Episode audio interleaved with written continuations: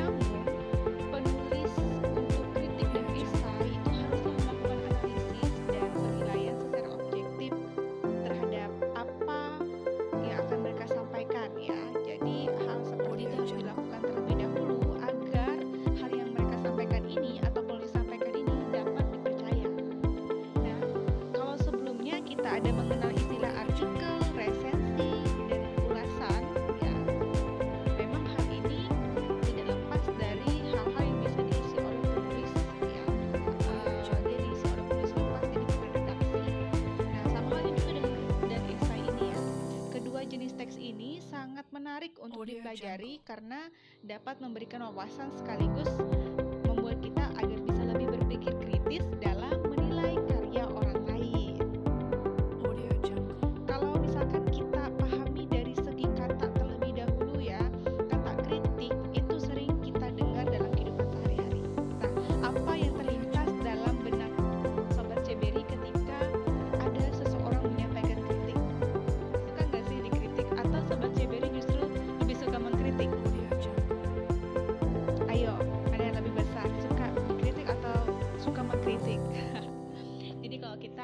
suka mengkritik, jangan marah ketika dikritik. Nah, sebagai mungkin di antara sobat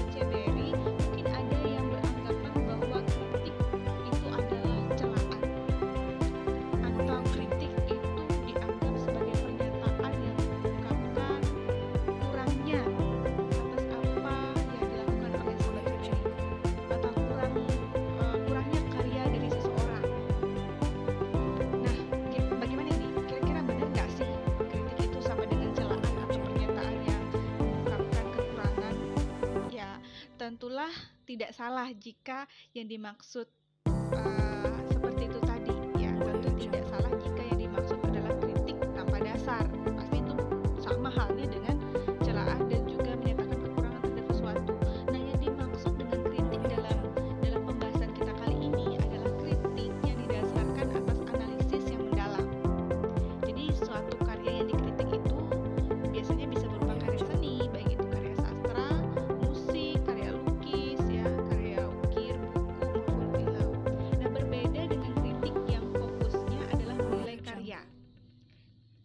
kita ke esai ya. Esai dia lebih mengarah pada cara pandang seseorang. Oh, iya, cara pandang saya, uh, eh, saya kasih dalam tanda kutip cara pandang seseorang untuk uh, suatu objek atau peristiwa. Tidak selalu terhadap karya ya tidak selalu terhadap karya jadi bisa berupa objek atau peristiwa kalau untuk esai. Nah pemahaman tentang kritik dan esai ini sering kali rancu karena keduanya merupakan teks yang harus didasarkan pada suatu objek uh, untuk dinilai.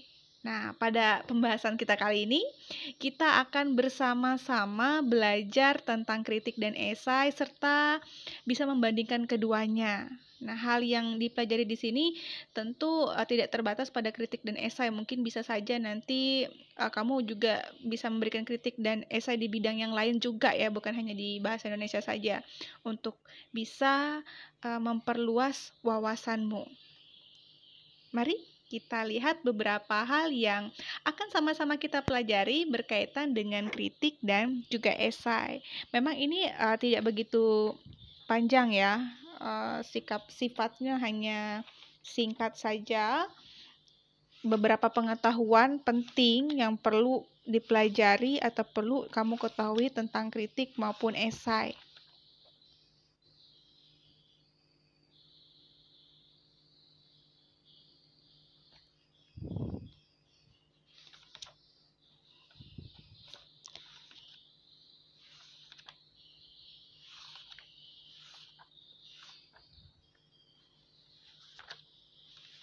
Baik, Sobat Ceberi, saya sudah merangkum ke dalam beberapa bagian. Ada sekitar sembilan hal utama yang perlu kamu ketahui tentang kritik dan juga esai. Ya, tadi secara definisi atau secara definitif sudah saya bahas ya di bagian depan tadi. Nah, berikutnya uh, saya juga ingin membicarakan kritik dan esai ini dari segi atau hal-hal yang lainnya nanti yang pertama ada berkaitan dengan struktur ya, ada berkaitan dengan ragam bahasa, kaidah bahasa, penulisan kritik, langkah-langkah dalam penulisan kritik, langkah-langkah dalam penulisan esai serta langkah-langkah praktis untuk menulis esai singkat. Ya, baik. Saya mulai dari yang Pertama, tadi kalau secara definitif kritik itu merupakan satu teks yang berisikan tanggapan maupun penilaian terhadap suatu karya, ya. Sedangkan jika esai itu merupakan teks yang mengungkapkan pribadi pendapat pribadi tentang suatu fenomena, bisa peristiwa alam, tokoh, benda dan sebagainya. Nah, untuk yang berikutnya, yang ketiga, kalau berdasarkan struktur, kritik di ini terdiri atas beberapa bagian. Yang pertama ada identitas karya, ya untuk kritik ada terdiri atas identitas karya untuk bagian strukturnya. Kemudian setelah ada bagian identitas karya, bagian selanjutnya adalah sinopsis, ya, sinopsis, kemudian penilaian dan penegasan ulang. Sedangkan pada bagian esai secara struktur itu terdiri atas pernyataan umum, ya, pernyataan umum, kemudian rangkaian argumentasi dan penegasan ulang. Jadi itu tadi ya kita bisa membedakan dari segi struktur di bagian kritik dan esai tentu sangat berbeda ya. Kemudian eh, informasi yang berikutnya ragam bahasa yang digunakan dalam kritik dan esai tidak memiliki perbedaan yang berarti ya. Keduanya sama-sama menggunakan ragam bahasa ilmiah populer karena memang keduanya ini merupakan genre teks yang ilmiah populer dan masing-masing bentuknya ini sering kita jumpai di berbagai media massa baik itu yang cetak maupun yang secara daring ya, atau online di di internet.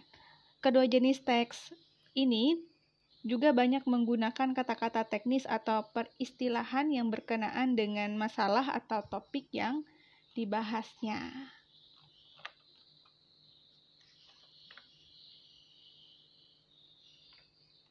Baik, kalau kita bisa mengarahkan kepada bagian kaidah kebahasaan dalam kritik dan juga esai, ada beberapa hal ya, meliputi untuk kaidah kebahasaan yang pertama yaitu dia menggunakan kata-kata yang menunjukkan hubungan kausalitas. Kausalitas ini adalah kata-kata yang menunjukkan hubungan sebab akibat.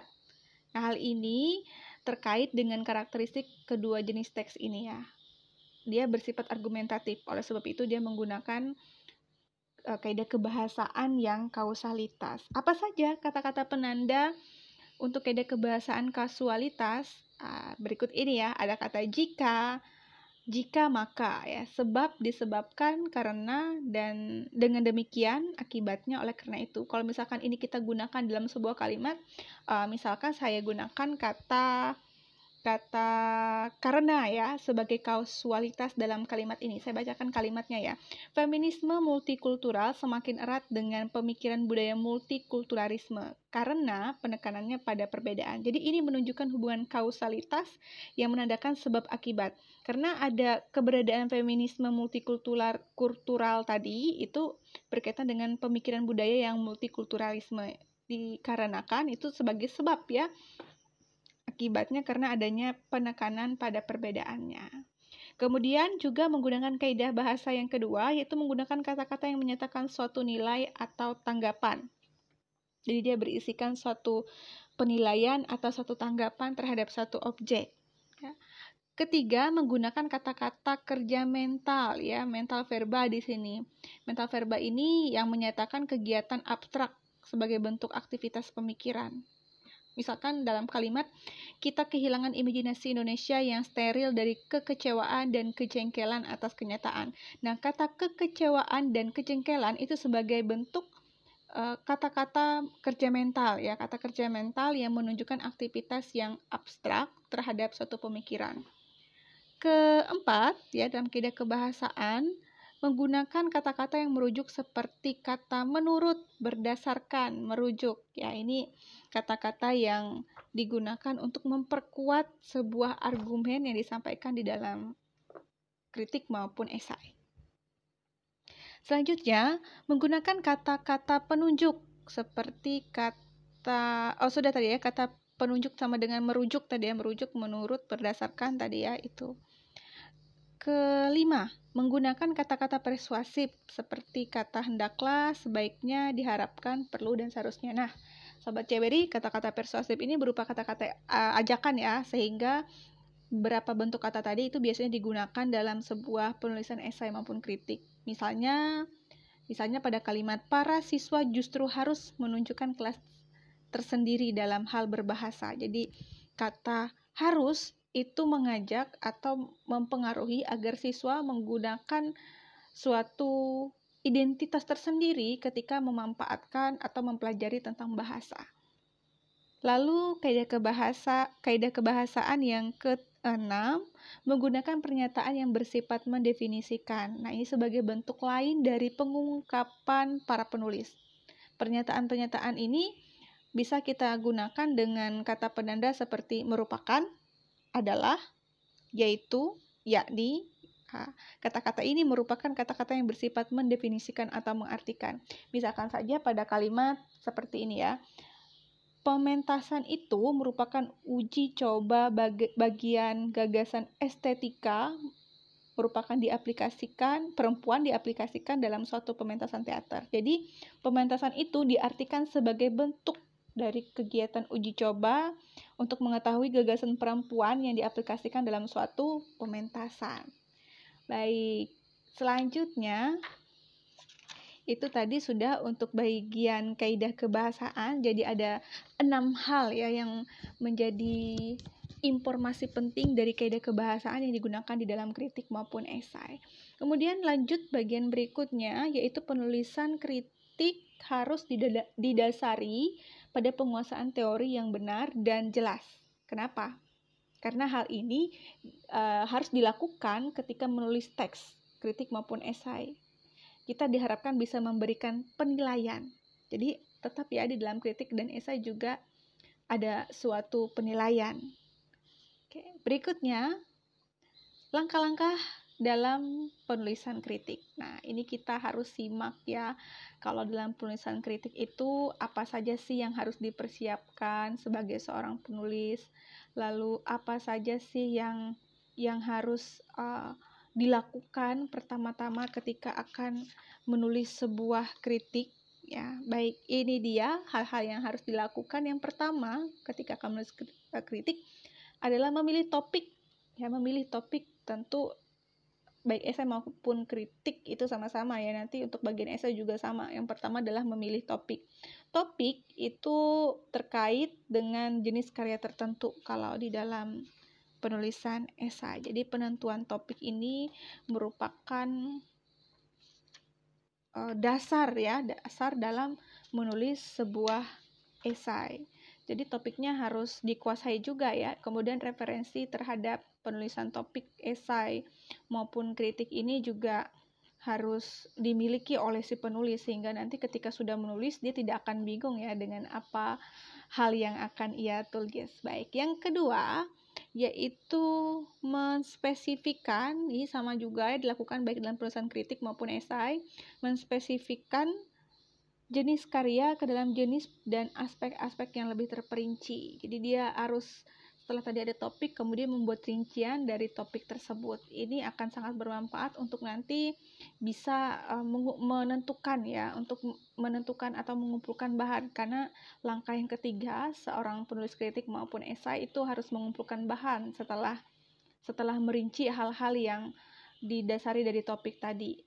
Ya menentukan bahan, mengumpulkan bahan, bahan yang diambil bisa saja uh, berupa data dari observasi bisa juga atau mungkin si penulis kritik ataupun esai itu menggunakan data-data lapangan bisa dari media sosial ya, bisa juga dari buku-buku tertentu yang menunjang atau mengarahkan kepada penulisan esai tersebut. Selanjutnya, setelah mengumpulkan bahan, kemudian e, kalau di dalam kritik dia memberikan uh, membaca karya yang memberikan penilaian ya. Membaca karya itu dia tujuannya untuk memberikan penilaian. Sedangkan kalau dalam esai tentu harus mempertimbangkan sasaran pembaca. Nanti siapa yang akan menjadi tujuan uh, dari esai itu siapa yang akan membaca esai itu juga harus dipertimbangkan ya ketika akan menulis esai. Namun apabila dalam kritik itu membaca karya tadi itu ditujukan untuk memberikan penilaian terhadap karya itu. Nah, itu dia ya. Ada langkah-langkah ketika akan menyusun kritik dan juga esai. Kalau secara spesifik untuk langkah-langkah menulis esai itu uh, ada sekitar 8 langkah ya yang secara spesifik. Langkah yang pertama tentu rumuskan dulu sebuah gagasan pokok ya berupa tesis bisa berupa satu kalimat lengkap. Ya, gagasan pokok ini merupakan pandangan atau pendirian kita tentang topik tertentu. Lalu yang kedua, jadikanlah gagasan pokok tadi yang sudah disusun sebagai sebuah paragraf pembuka untuk memperkenalkan topik atau permasalahan dan juga untuk menarik minat pembaca. Lalu rumuskan pemikiran-pemikiran yang mendukung dan dan yang membeberkan mengenai gagasan pokok tadi ya jadi harus dirumuskan. Lalu kalau sudah itu tuliskan juga ya eh, fakta-fakta uh, yang mendukung ya fakta-fakta yang bisa menguatkan pemikiran-pemikiran tadi. Kalau tadi kita merumuskan pemikiran-pemikiran yang mendukung dan membeberkan pokok gagasan maka itu tidak bisa berdiri sendiri. Harus ada yang mendukung ya. Mendukungnya ini yaitu data tadi ya berupa fakta-fakta Selanjutnya, keempat hal tadi sudah di, dilakukan. Yang kelima, harus mulai mengembangkan pemikiran-pemikiran dan fakta-fakta itu secara orisinal. Atau orisinal ya, sebagai suatu pendapat atau pengalaman pribadi ke dalam beberapa paragraf yang saling berkaitan. Padukan saja paragraf-paragraf itu dalam dengan tetap memperhatikan kesesuaian dengan topik utamanya. Lalu susun paragraf kesimpulannya sebagai suatu penegasan ulang atas rangkaian gagasan sebelumnya. Oke, itu selesai. Oh iya, tapi jangan lupa ya untuk lakukan aktivitas menyunting ya. Sunting esai yang sudah dibuat untuk uh, bisa mengetahui ya apakah ada hal yang perlu ditambah atau apakah ada hal yang perlu dikurangi dari isinya. Dengan demikian kita sudah mulai uh, memperbaiki apabila ada pemakaian kata, frasa atau kalimat yang tidak tepat dalam penulisan esai. Baik, dalam waktu yang kurang dari 20 menit ini, itu yang bisa saya bagikan berkaitan dengan kritik dan juga esai. Semoga di lain waktu nanti saya bisa lebih rinci lagi, kita sama-sama belajar tentang kritik dan juga esai ini ya, tentunya. Tapi saya sebenarnya sangat tertarik sekali dengan pembahasan tentang kritik dan esai ini karena ini sama halnya dengan aktivitas kita sedang berceloteh ya atau berkomentar ya kritik dan esai ini seperti kita sedang berceloteh atau berkomentar sebagai suatu aktivitas kita berbahasa sehari-hari selain bercakap-cakap dan juga berdiskusi. Nah, kegiatan ini merupakan sarana ekspresi dan mengaktualisasi diri dengan melakukan kegiatan ini kita peduli ya dan merasa sebagai satu bagian dari masyarakat dan lingkungan sekitar kita perlu untuk memberikan komentar terhadap hal-hal yang ada di sekitar. Tujuannya apa? Bukan untuk menjatuhkan dan lain sebagainya ya. Celetahan melalui esai ataupun kritik ini sebagai peristiwa berbahasa dengan tujuan menyampaikan pendapat berdasarkan persepsi pribadi. Jadi, jangan takut untuk memberikan satu kritik atau komentar terhadap hal-hal yang ada di lingkungan di sekitarmu. Tujuannya tidak lain dan tidak bukan adalah untuk perbaikan atau untuk kemajuan. Sekian dan terima kasih. Sampai jumpa Sobat Ceberi.